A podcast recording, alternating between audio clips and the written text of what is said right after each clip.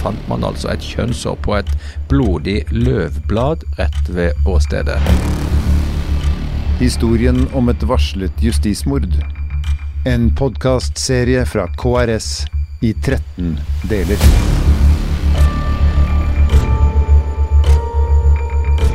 Del 2. DNA, det er eh, veldig sentralt i all etterforskning nå. Det var også sentralt eh, i 2000. Men eh, man fant bare DNA fra én person i utgangspunktet.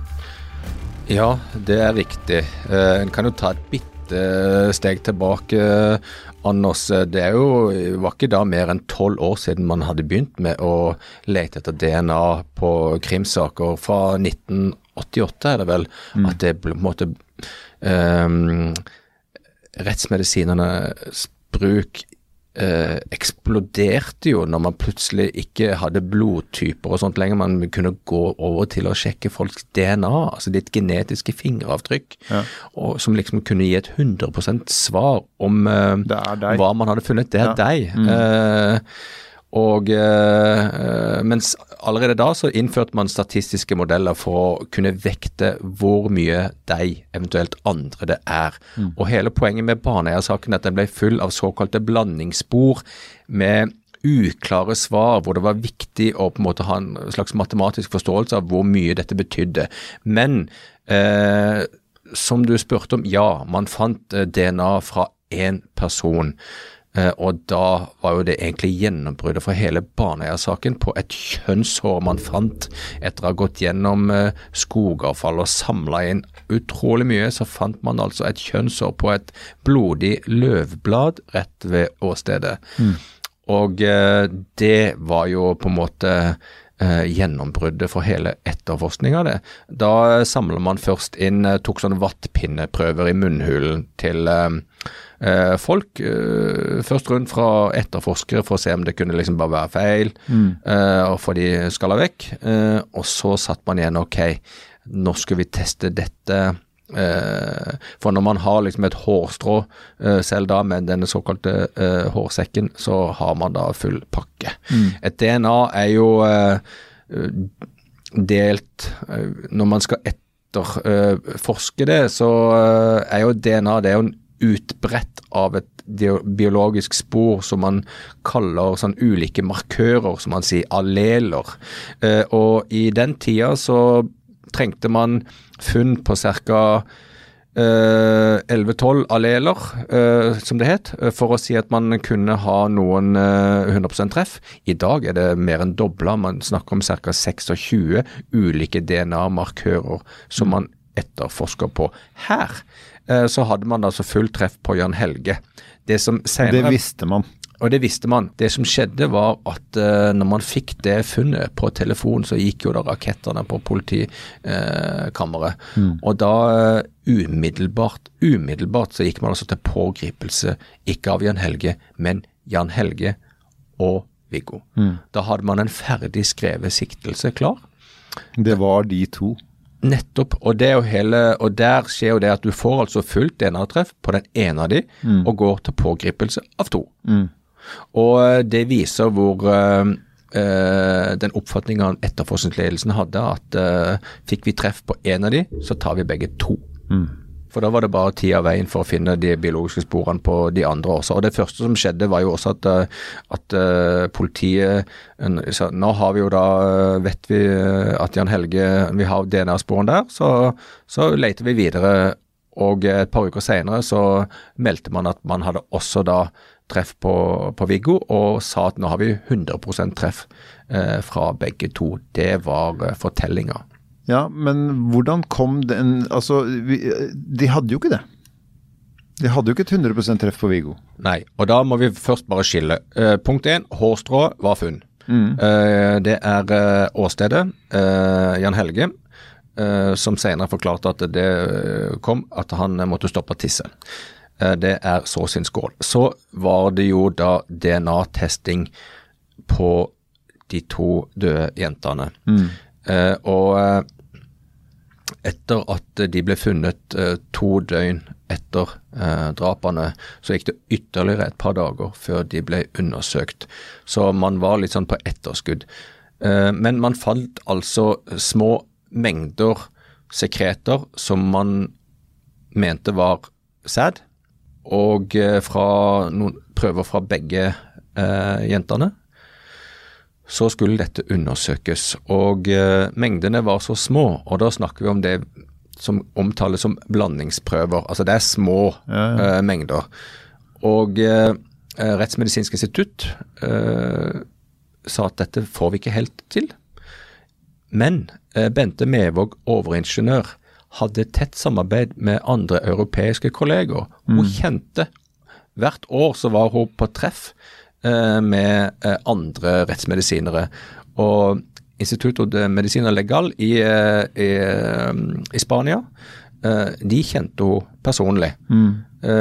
og de sa seg villige til å gjøre en Y-kromosomanalyse av eh, det materialet.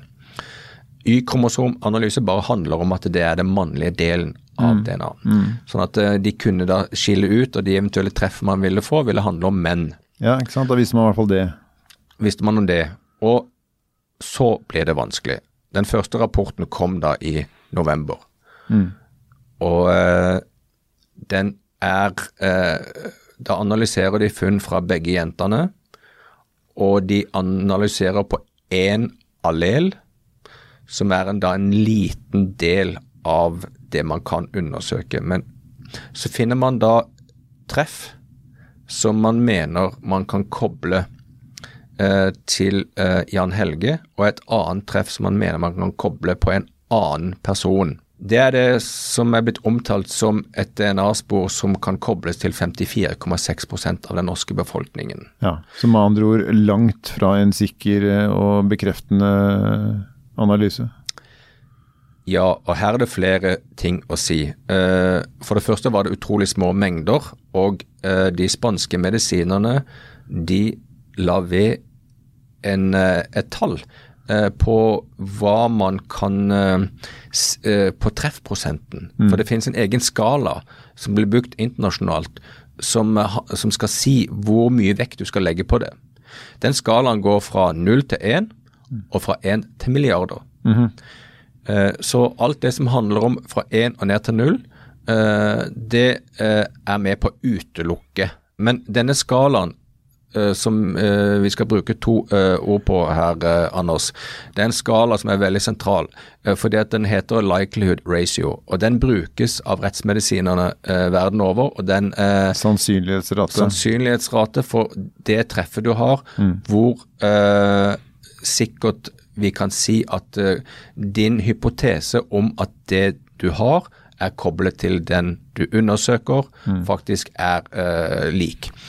Og uh, i dag skal du analysere noen døde, eller ha en treff uh, i et Hvis du har en ulykke eller noe, så skal du ha et treff på flere milliarder. Det antas som sikkert. Ja.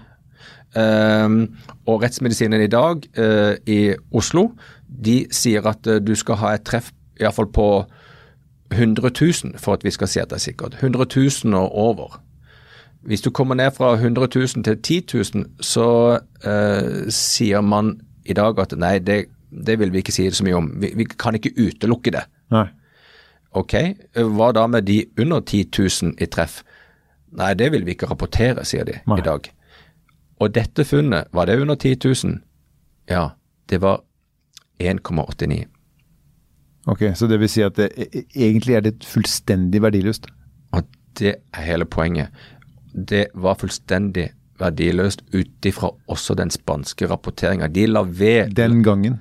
de, Det står i den rapporten, og det ble aldri nevnt i retten. Dette har jeg brukt en del tid på å, å forstå. Eh, poenget er at et tall som kommer ned på én, er nøytralt. Eh, og dette var under to.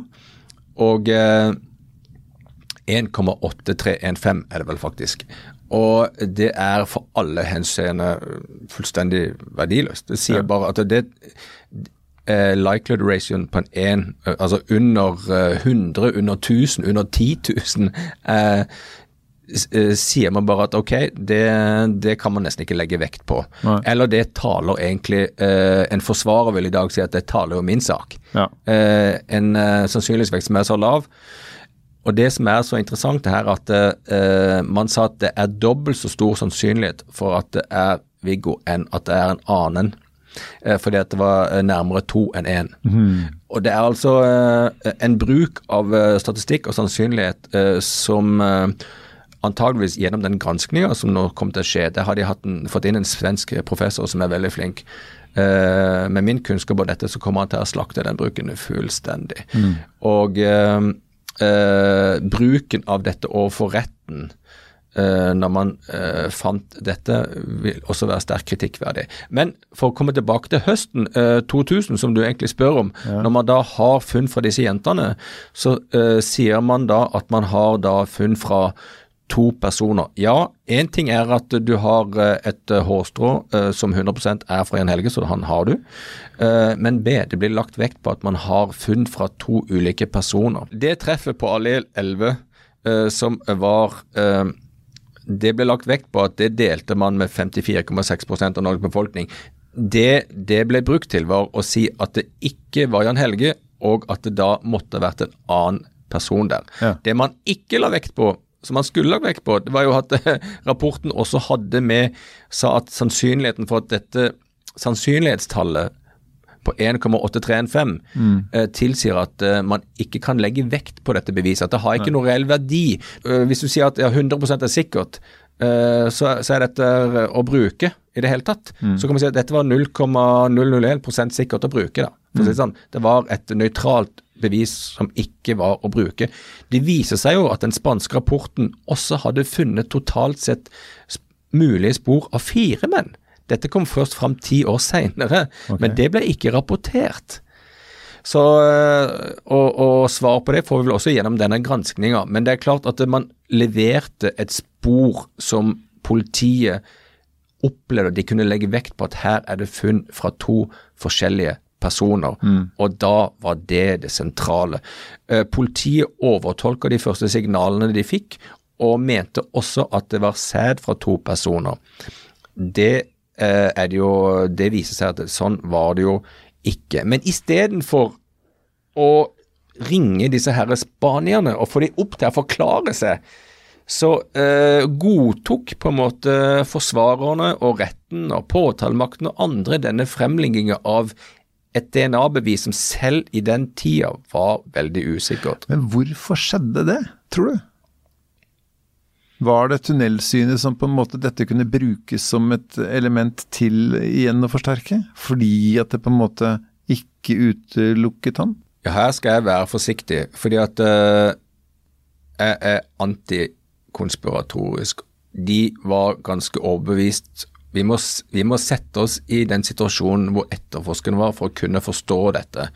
For det handler jo ikke om dumskap. ikke sant? Man må Nei, ikke ikke det- gå i den fella der. Ikke sant? Nei, eh, Det var, det var jo oppegående folk som eh, gjorde sitt aller ytterste for å få dette til. Det er nettopp det man har.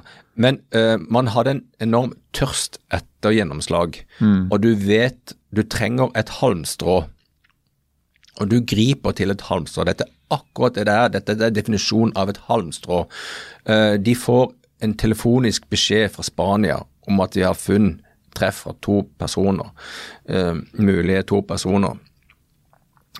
Bente Mevåg er glad. Hun er betalt av politiet. Altså, altså, Jeg sier ikke at hun er kjøpt og betalt, men denne må jeg forstå dynamikken her. Eh, rettsmedisinerne på den tida, og har vært kritisert for det, er oppdragsfinansiert. Så hun var på absolutt på lag med politiet og prøver å løse denne gåta.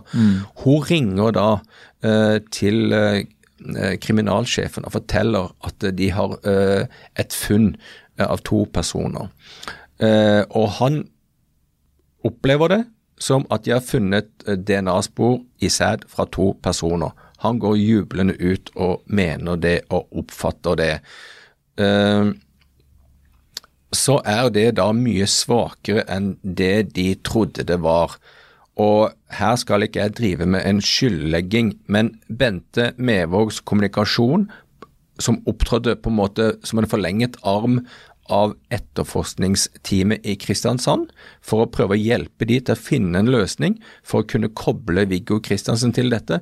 Det er jo helt åpenbart at det har spilt inn i tolkninga av bevisene de da fikk.